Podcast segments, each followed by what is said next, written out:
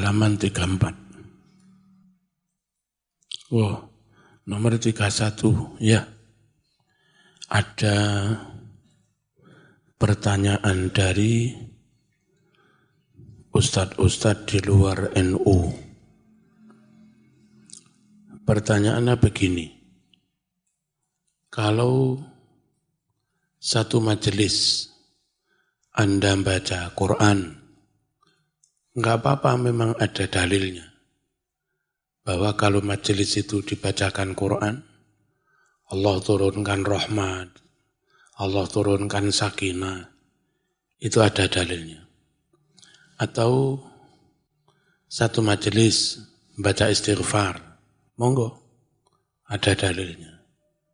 Satu majelis membaca tasbih, ada dalilnya.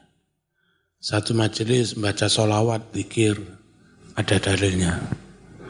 Nah yang dipermasalahkan mereka itu, di NU itu punya kebiasaan, misalnya majelis itu majelis rotib, rotib hadat, iku campur-campur, ya ono Qur'ane, ono solawate, ono zikire, macam-macam.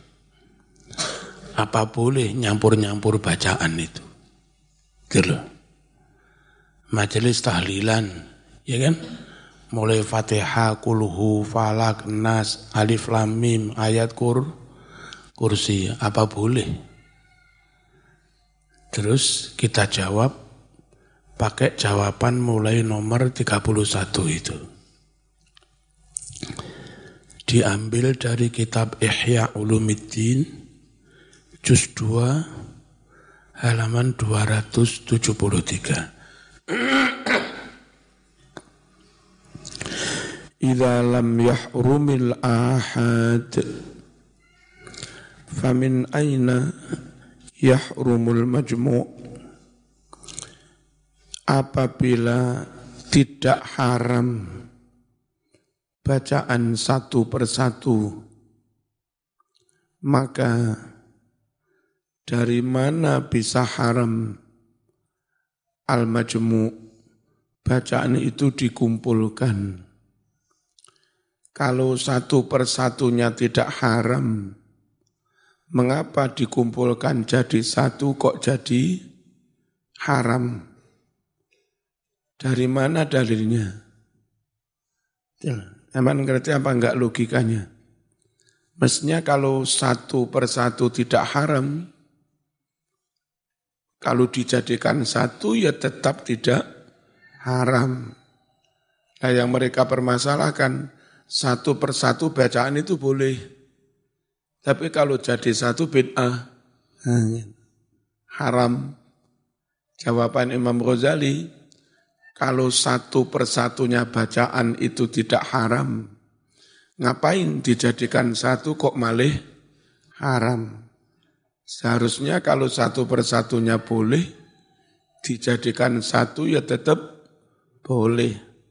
Sama aja zaman mau makan soto, makan kuahnya tok boleh, makan daging ayamnya tok boleh, makan bihun minyak tok ya boleh, makan nasinya tok boleh, makan kerupuknya tok boleh.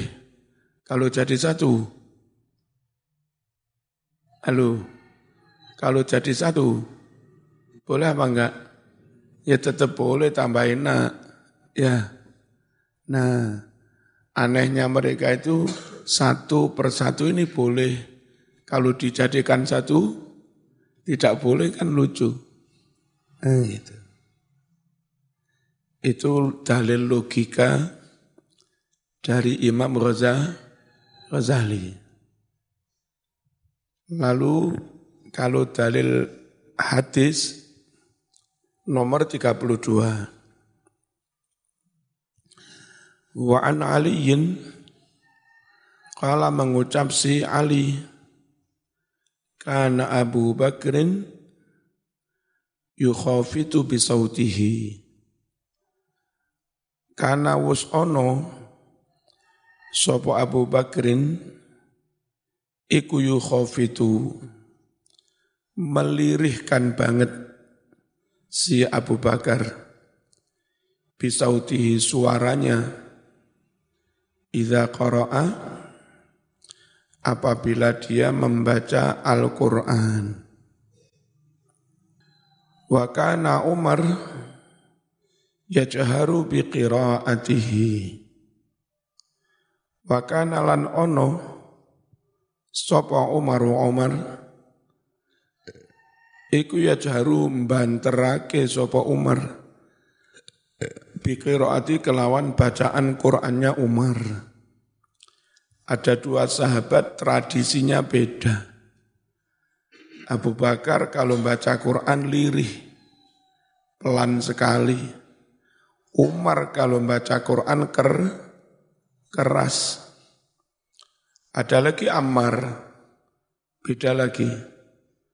Bahkan alan ono, sopo Ammarun Ammar,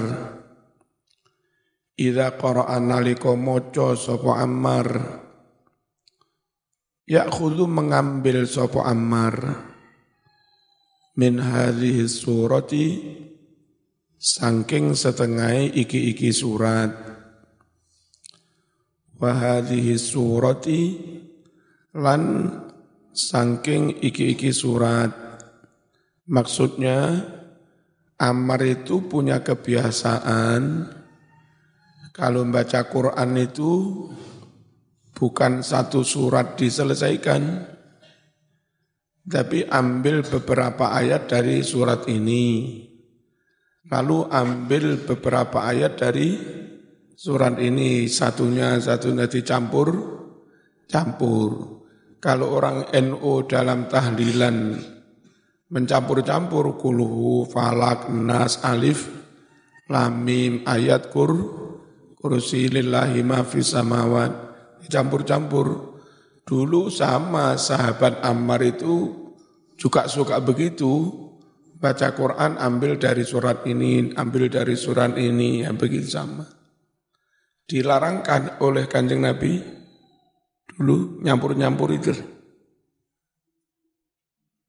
Fadzukiro lalu ditutur, dilaporkan apa zalika mengkono-mengkono bacaan Quran yang beda-beda itu kepada siapa dilaporkan? Lin nabiyyi maring Kanjeng Nabi sallallahu alaihi wasallam. Apa laporannya? Kanjeng Nabi niki lu Abu Bakar kalau baca Quran pelan banget. Niki lu Umar kalau baca Quran ker keras. Niki lu Ammar kalau baca Quran ambil beberapa ayat dari beberapa su surat dikumpulkan dicampur. Ya napa niki. Faqala banjur dawuh sapa nabi li Abi Bakrin maring Abu Bakar. Hai Abu Bakar lima krono opo? Tu khofitu nglirih nesiro Kenapa kamu kok sangat pelan suaranya kalau membaca Quran? Kala dawuh si Abu Bakar. Ini setuhne ingsun Abu Bakar. Iku la usmi'u. Benar-benar aku telah membuat mendengar man ing Gusti Allah unaji yang aku munajati. Jadi Abu Bakar itu kalau membaca Quran niatnya untuk munajat. Nah munajat kepada Allah kan nggak perlu keras-keras. Wong lirih pun Allah juga sudah men, mendengar. Ngapain keras-keras? Ojo ngantuk cek paham. Wong lirih Allah juga sudah men, mendengar, nggak perlu keras-keras. Benar apa enggak Abu Bakar ini? Ya benar. Umar ganti ditakoni. Waqala dawuh sapa Nabi. Li Umar maring Umar Umar, wong Gusti Allah itu lo lirih sudah mendengar mengapa kamu kalau baca Quran kok ker ker keras. Lima krono opo Umar?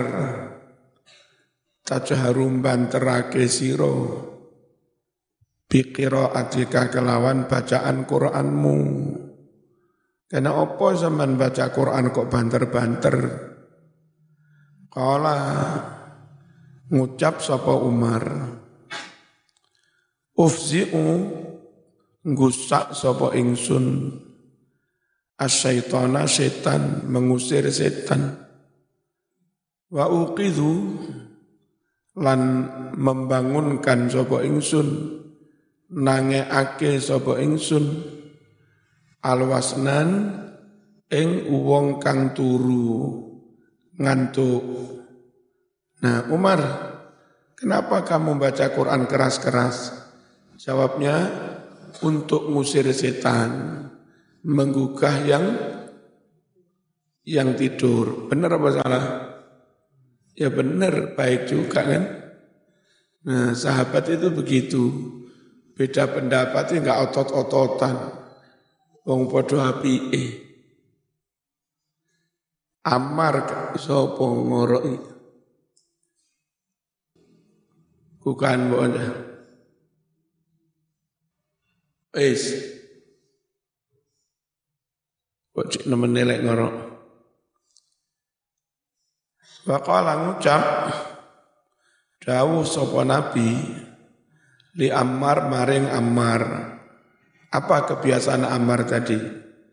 Membaca Quran ambil dari beberapa su, surat dicampur-campur kayak tahlilan itu.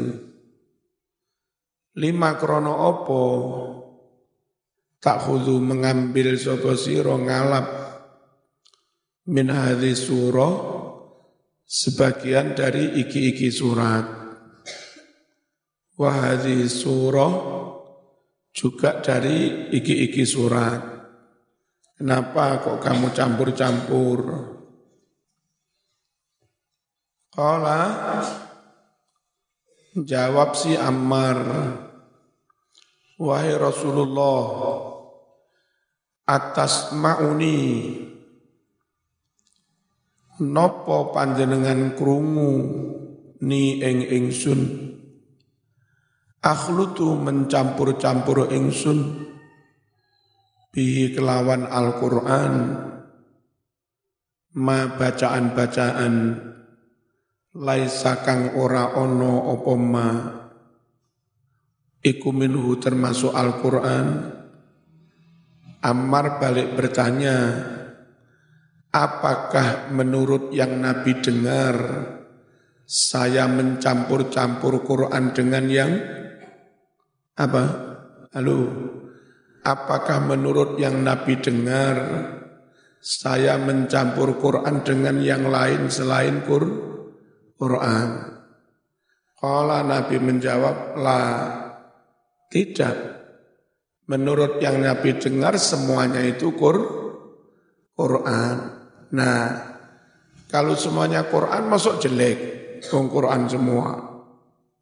Ya, akhirnya kalau Nabi Dawuh, wa kulluhu Ya sudah semuanya bagus. Membaca Quran keras bagus. Baca Quran pelan bagus baca Quran dicampur-campur ya bagus juga fakulluhu thayyib. Makanya eh, NU baca Quran urut biasa. Sampai sekarang kita akan begitu. Dapat satu juz ditengeri. Besok dilanjut satu juz ditengeri. Besok satu juz lagi ditengeri. Sampai hatam. Balik mana Kan biasa tuh baca Quran begitu. Baca Quran surat Yasin to biasa. Surat Waqiah biasa. Surat Rahman biasa kan gitu ya. Baca Quran dipilih-pilih. Lalu baca Quran dicampur-campur.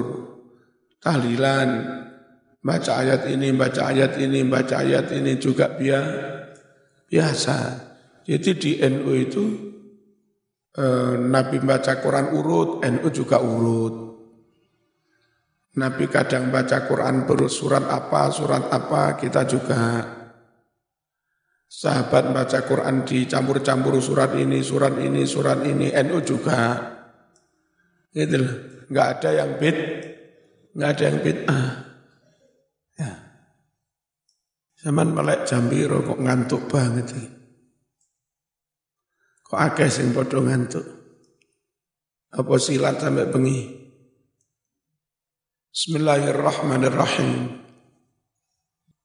Balik halaman 33 nomor 20. Waqat tawatara lan teman-teman wis dadi mutawatir. Mutawatir itu, mutawatir itu bahwa berita itu sudah menyebar lu menyebar luas jadi vi, viral. Apa sing dadi mutawatir mau? anna syafi'iyya setuhuni Imam Syafi'i iku zaro berkunjung silaturahim sowan. Al-Lais sowan ing Lais bin Sa'ad.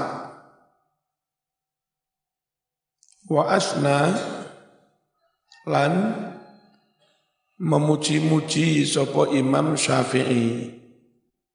Memuji kepada kealimannya, kekeramatannya Lais bin Sa'ad. Wa qara'a lan moco sopo Imam Syafi'i indahu ono sandingi Lais bin Sa'ad khatmatan sekali hatam. Jadi orang dulu itu kadang begitu taskhih ini. Imam Syafi'i sowan kepada ulama sepuh terkenal. Di sana Imam Syafi'i menyanjung-nyanjung si Lais bin Sa'ad. Lalu izin saya, saya izin pengen baca Quran di depan sampean sekali hatam. Apalan, monggo sama cek kalau ada yang salah. Itu namanya tas tashih. Nah, saya dulu di depan Kiai Basori baca Fatihah dan baca beberapa surat itu. Kiai Basori dawuh sampun pun leres. Nah, penting begitu itu ditas ditashih. Wa qala ikramate Imam Laisi melihat Imam Syafi'i top Quran api apal. Faqala Imam Lais dawuh arju aku berharap antaduma yen to dadi langgeng sapa sira Syafi'i saya berharap kamu nanti akan langgeng abadi dikenang sepanjang masa. Benar apa enggak? Terbukti itu sampai sekarang. Ini keramat berarti si gurunya itu nama namanya siapa? Lais bin Sa'ad. Ya.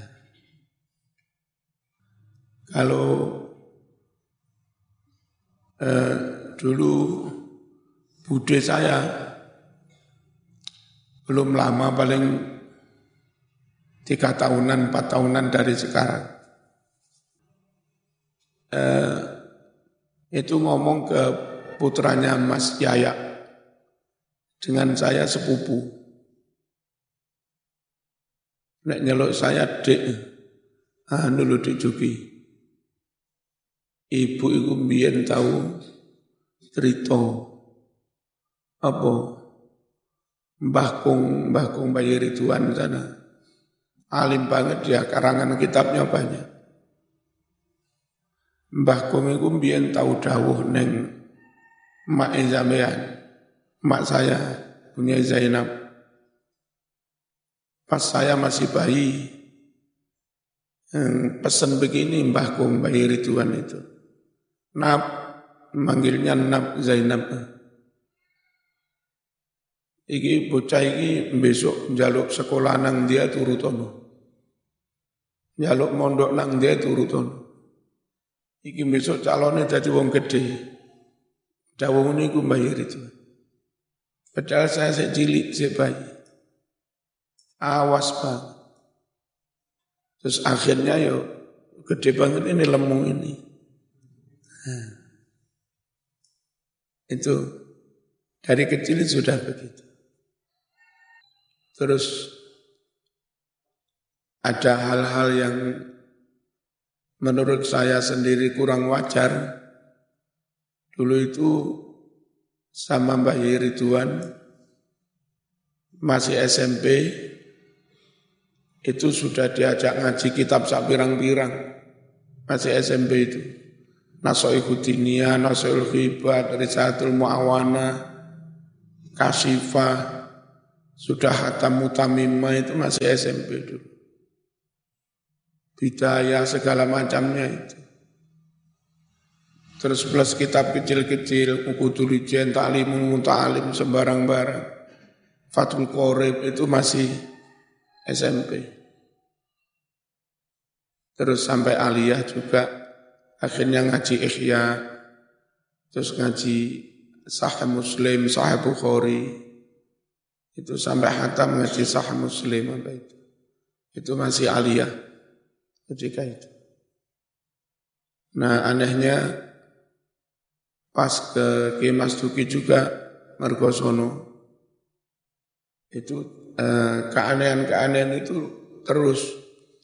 Jadi eh, di Mergosono saya ngapalkan Alfia itu semalam 50. Padahal biasanya santri-santri setor limo. Itu. Saya itu semalam apal 50. Quran itu apal satu juz. Satu malam. Lalu hizib Baca Maghrib Ya Mas Duki memberi tulisan hizib Nawawi. Catat lagi, tak catat sudah. Terus Isya saya kembalikan, itu langsung hafal. Padahal perintah perintah kau nyatet dok, enggak diperintah ngapalnya. Jadi mari nyatet langsung hafal. Izin nasor sama, mari nyatet langsung hafal. Terus yang hizib sama. Padahal ada beberapa kalimat yang bukan bahasa Arab, hizib khofi. Kayak kalimat biayin biayin ahilin ahilin ahyan sarohiya jibril an yamino israfil seterusnya. Lalu yang hizib gertak macan itu katanya Kiai Mas Tuki Mahfud saya dulu dapat dari Kiai Makhrus Ali Lirboyo. Itu syaratnya si Kiai Makhrus Ali membaca sekali dok, nggak boleh direkam, nggak boleh ditulis, Siapa lang yang langsung hafal, dibaca sekali langsung hafal, itu berarti ya sudah jodohnya. Nah, Ki Mas juga begitu. Nanti akan saya baca sekali tok. Kalau sama langsung hafal, ya berarti jodohmu wis. Arek sak mono kae nang pondok mergoso nang musola. Itu setelah Mas Duki Moco, saya mengacung. Coba kalau tak mau sih. Saya tirukan yang dibaca Mas Duki. Itu persis, ya wis, benar. Jadi ada beberapa ulama kiai yang diberi kelebihan nyondro. Nyondro itu memprediksi bedek nanti akan begini. Kalau di Pasuruan Ki Hamid. Ya. Terus ini gurunya Imam Syafi'i, Imam Imam Lais. Nah, kamu nanti akan apa? Akan abadi. Akan langgeng. Langgeng dikenang sepanjang masa. Kalau militer ya itu tadi Mbak Rituan. Mbak Rituan itu kelebihannya lagi kalau ada orang sekarat nggak mati-mati. Terus mungkin Mbak Rituan diaturi rawuh, kiai disuwun rawuh, mbah kok ket wau sekarat betul situ-situ. Didatangi sama Mbak Rituan di sama bawa serban itu. Serban mek kur dikebut-kebut ning ini ning ning wong sing sekarat. Kaya ngusak laler. Wis mari ngono mati. Itu Yeri Tuhan. Terus di Malang ini saya juga kecipratan itu sedikit. Jadi dulu ya di Ngasek, di Sumbersari, di beberapa tempat. Itu kalau ada orang sekarat lama, saya dipanggil. Nanti saya datang, tak wocok nih sembarang, wis. Habis itu terus di Sumbersari dulu ada Orang megap-megap mau sekarat itu sejak kemis. Lalu saya ditelepon itu Senin. Megap-megap berapa hari. Mulai kemis saya ditelepon Senin. Saya datang ke sana, telinga kanan, kanan saya azani. Telinga kiri saya ikomati untuk mengeluarkan jin itu.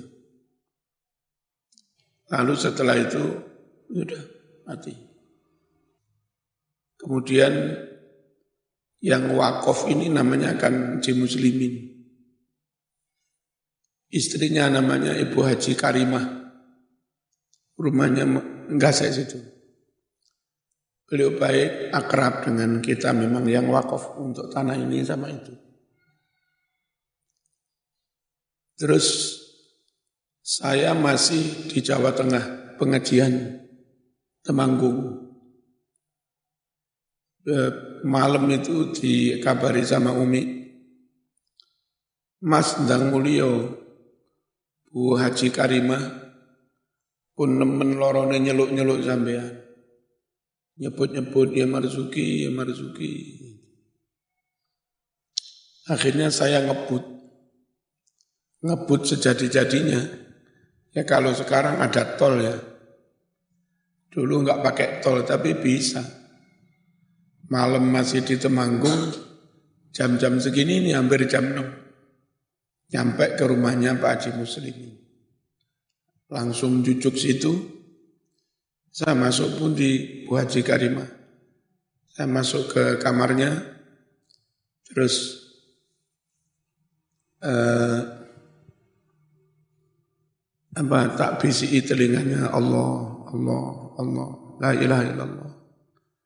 Terus ini sudah bisa gerak lidahnya. La ilaha illallah. Terus iso ngucap itu. Terus saya keluar. Saya masih di depan pintu kamar.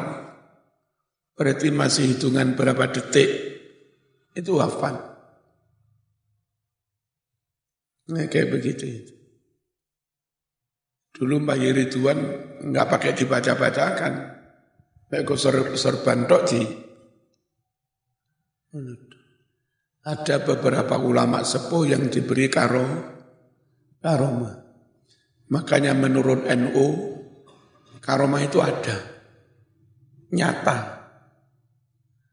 Kalau yang banyak Zaki ini Mas Tuki termasuk kekeramatannya Kiai Mas Duki Sedo kan dikubur. Nah pas Kiai Mas Duki masih hidup, itu istiqomah duduk di ruang tamu di Upin nomor berapa? Upin Mencekelin. Udah eh, duduk di situ mendengarkan santri sorokan Quran, jagongi tamu, mendengarkan santri sorokan baca kitab. Itu istiqomah di entah di tekel nomor berapa. Nah itu pas Ki Mas Duki Sedo dikubur, itu tekelnya itu cepot. Apa? Terkelupas itu. Kan aneh. Yang terkelupas cepat ya yang biasa dipakai duduk itu. Akhirnya sama punya Mas Duki diperintah, Iku kangen karo abahmu itu. Terus di copot pisan dipasang di kuburan itu. Eh, jadi tekel dalam yang ruang tamu dicopot, sebagian dipindah di kuburan. Sampai sekarang sudah enggak terkelupas lagi. Nah kayak begitu itu. Kera, keramat, karo, karomah. Ya.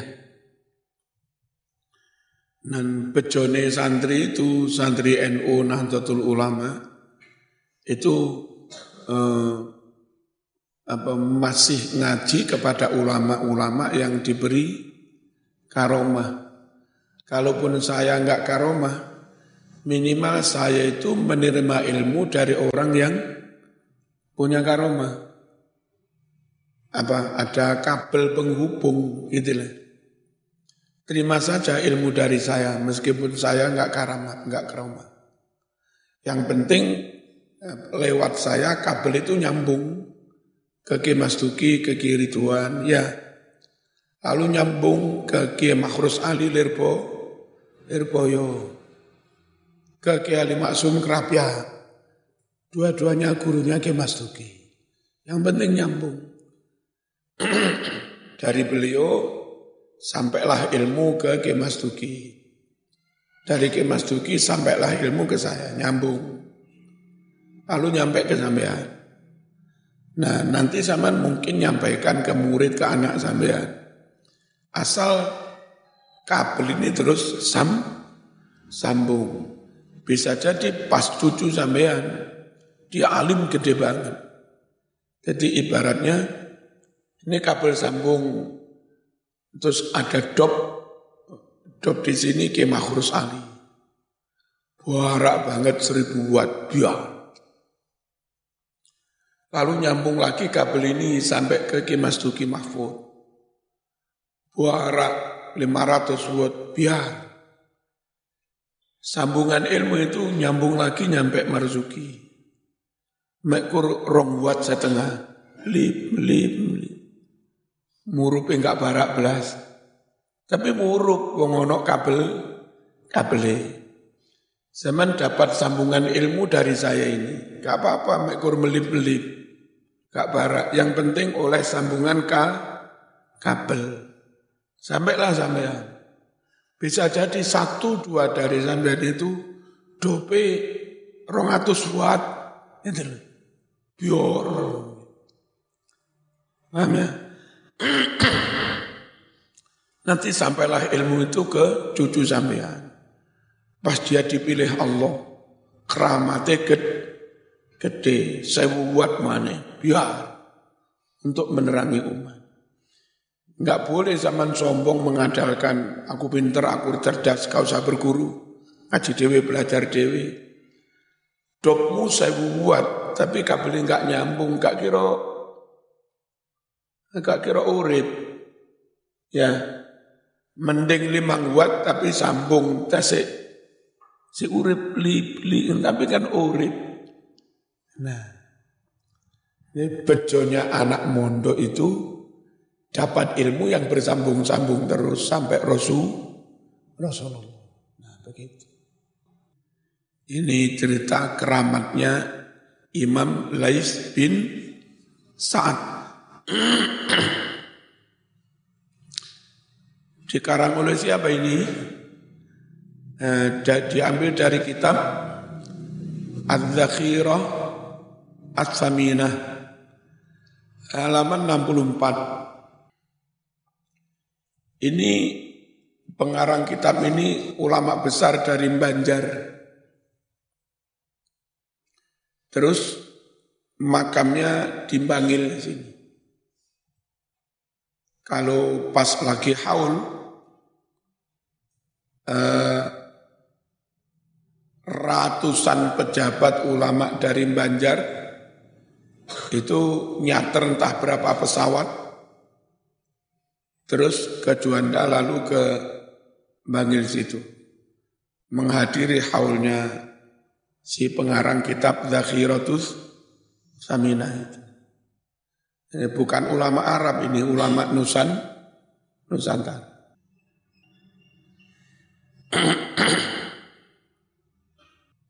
Terus anehnya itu sudah jadi program Pemda. Jadi biaya sampai miliaran untuk nyarter pesawat, akomodasi itu dianggarkan dari APBD. DPR-nya juga setuju. Betapa keramatnya. Faqala Syafi'i Imam Syafi'i dawuh kalau mendoakan untuk yang sudah mati itu benar apa salah? Wa amat doa'u anapun utawi dungu. Kalau doa sih enggak ada salah. Baik berdoa untuk dirinya maupun mendoakan orang orang lain. Fa inna Allah mongko setuhne Allah iku nadabahus menganjurkan sapa Allah. Al ibadah ing para kawula dianjurkan ilahi untuk berdoa. Wa amara lan perintah sapa Allah. Rasulahu Rasulnya Sallallahu Alaihi Wasallam. Diperintah apa? diperintah bi kelawan berdo berdo berdoa. Doa kalau salah mas. Doa itu dianjurkan Allah. Rasul pun juga diperintah berdoa. Faida ajaza mongko naliko ngolehake sapa Allah an yud'a yen to lil alil akhi kanggo dulur padha Islam didongake hayyan halih seurip nalika seurip jaza mongko wenang juga apa an yuda ayen to den dongaake lahu kanggo kanca mau mayitan nalika wus mati. Ini logikanya Imam Syafi'i. Mas kalau kita sesama muslim mendoakan saudara yang masih hidup boleh.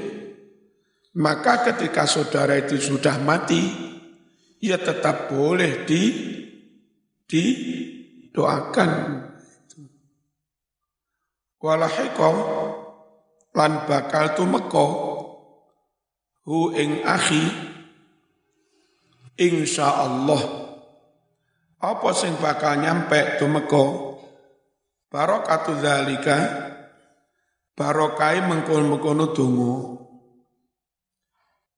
Terus sing dongakne diwai ganjaran berapa ma'a annallaha sarto setuhune Allah. Iku wasiun dat kang moho jembar rahmati li an yuwaffiya untuk nuhoni memenuhkan sapa Allah al hayya wong urip sing donga mau ajrohu ganjarane Allah maha jembar rahmatnya bisa kepada yang hidup yang berdoa Allah berikan ganjarannya penuh. Wa lan menyampaikan sapa Allah alal mayiti kepada mayit yang didoakan menyampaikan manfaatahu ing kemanfaatan do do doa. Jadinya dari acara ndongakne wong mati sing urip krana ndonga panggah diwehi ganjaran sing mati sing ditungakne mendapat kemanfaatan enggak ada ruginya. Wis Al-Fatihah.